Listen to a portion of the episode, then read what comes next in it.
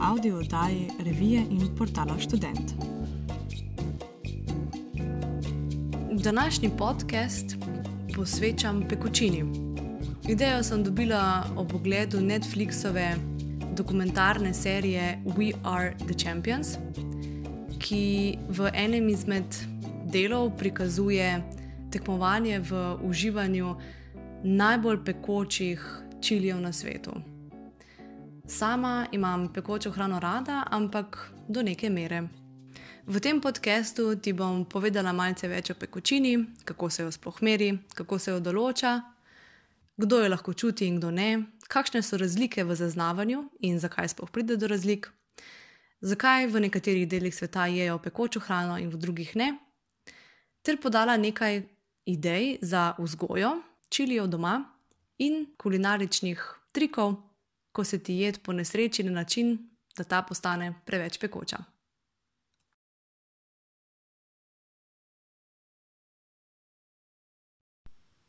Kako si kaj ti s pekočino?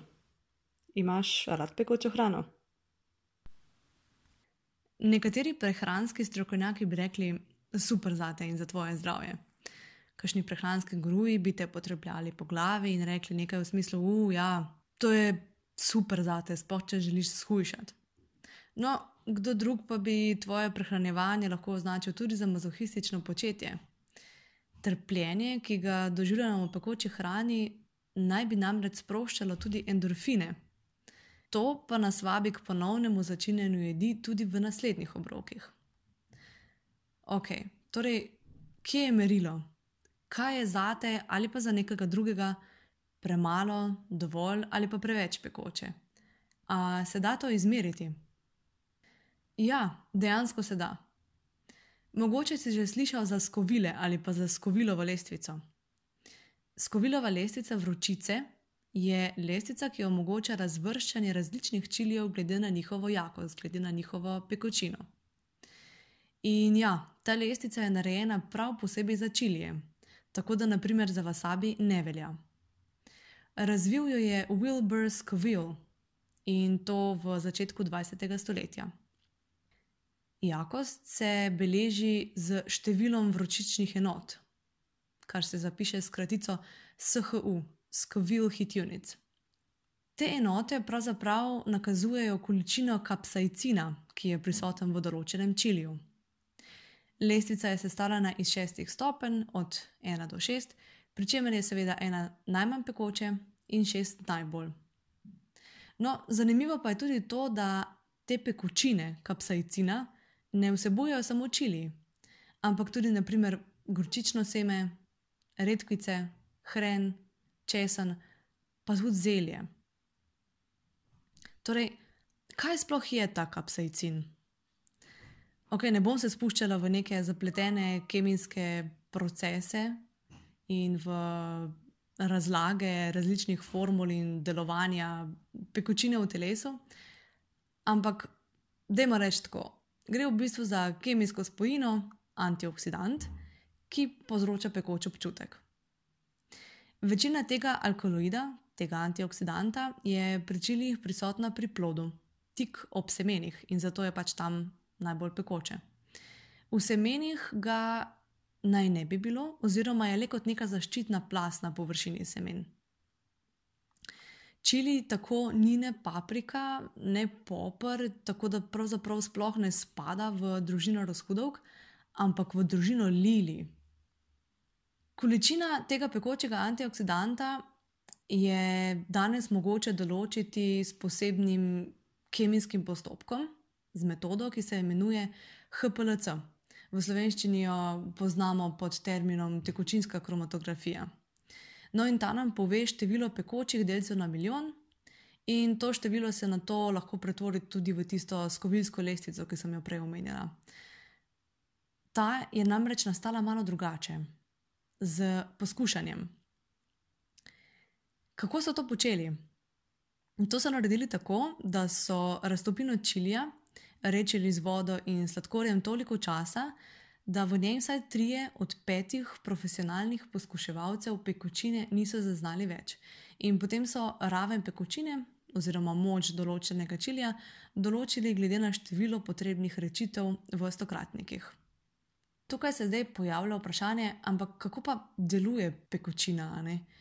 Že prej sem omenila, da nekomu je nekaj zelo pekoče, nekomu drugemu sploh ni. Če raziščemo še malo širše, a pa jo čutijo recimo tudi živali, dejansko ne deluje enako na vse organizme. Pekoč učinek deluje le pri sesalcih, insektih in pa nekaterih glivah. Ptice recimo sploh ne občutijo pekočega učinka kapsaicina.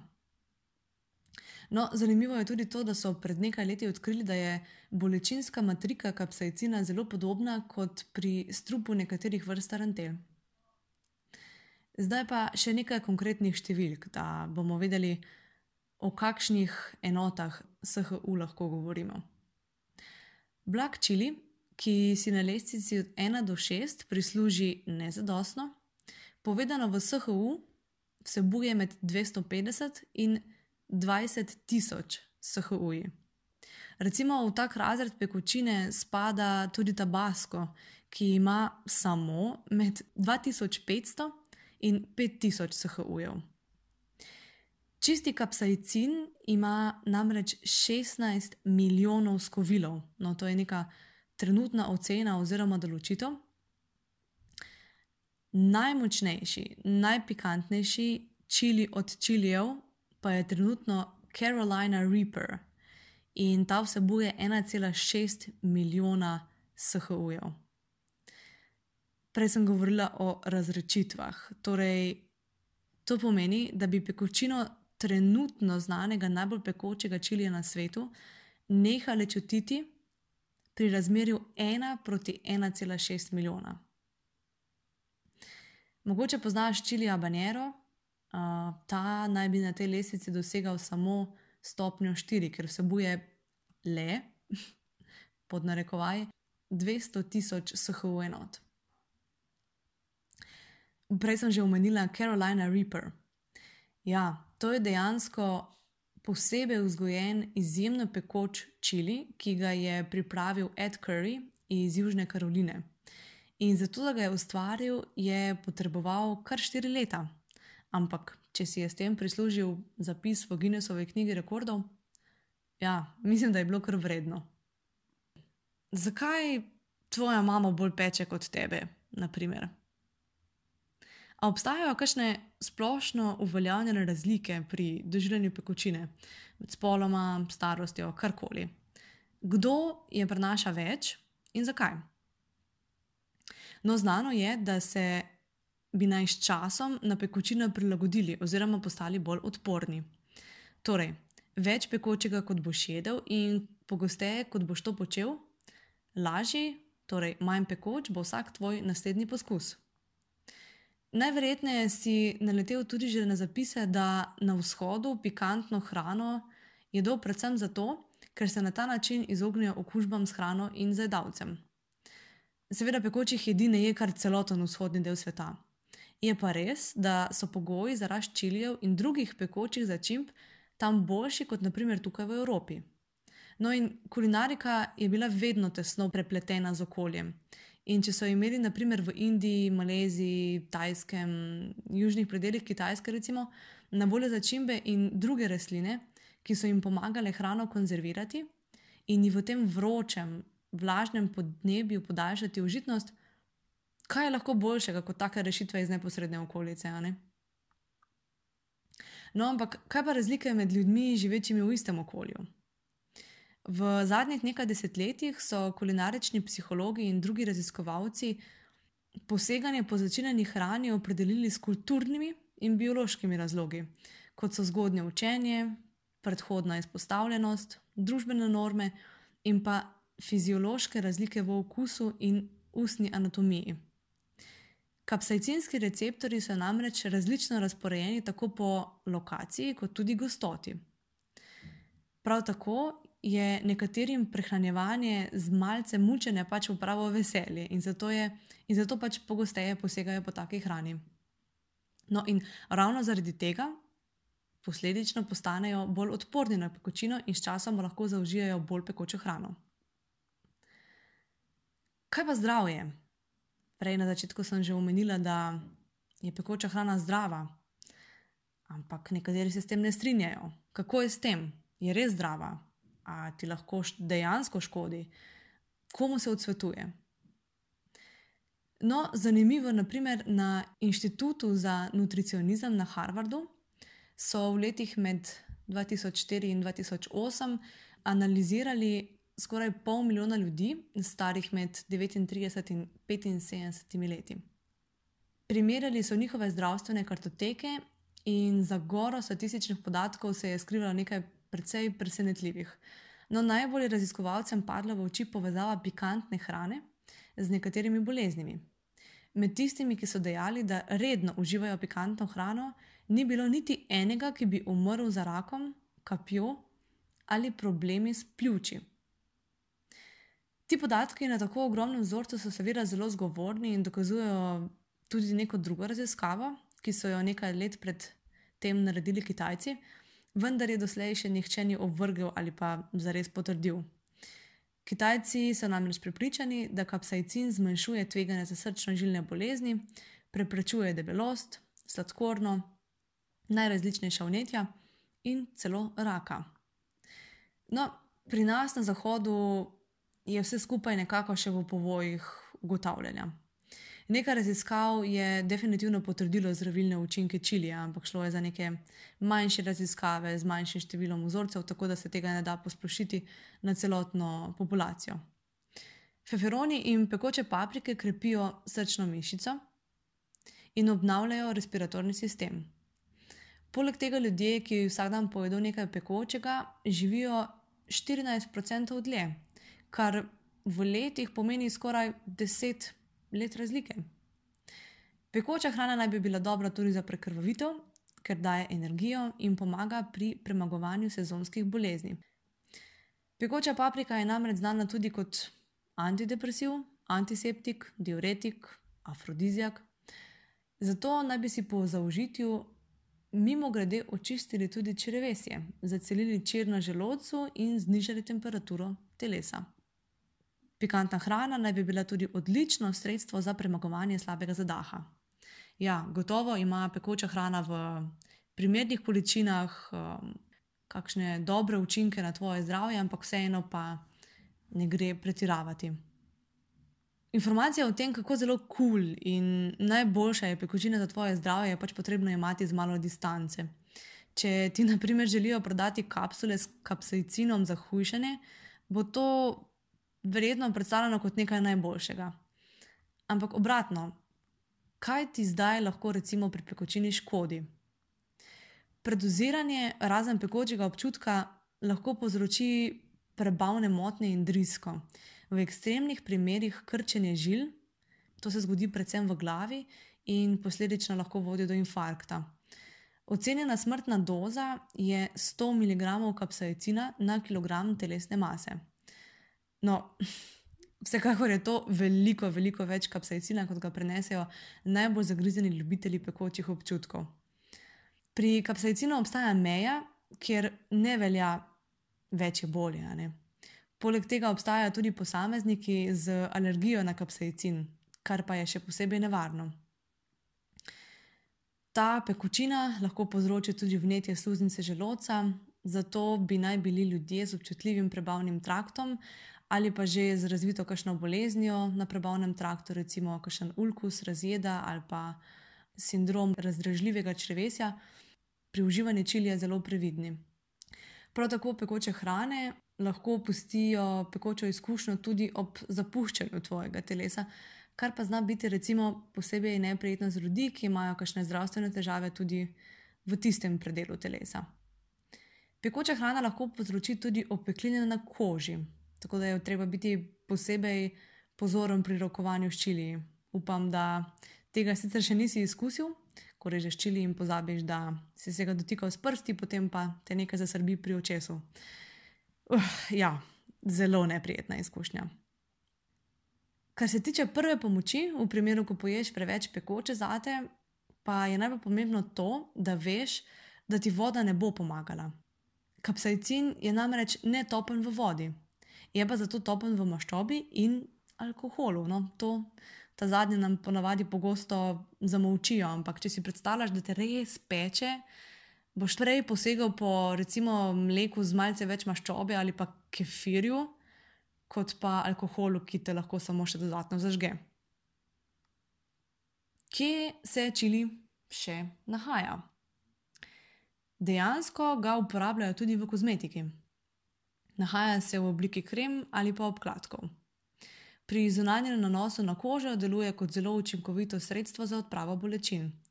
Pomaga lajšati zlasti bolečine ob artritisu, pasovcu, po operacijah ali pa bolečine zaradi poškodb živčevja, ki jih povzroča sladkorna bolezen. Preliminarne študije so pokazale tudi, da mazila s čilijem lahko olajšajo srbenje pri luskavici.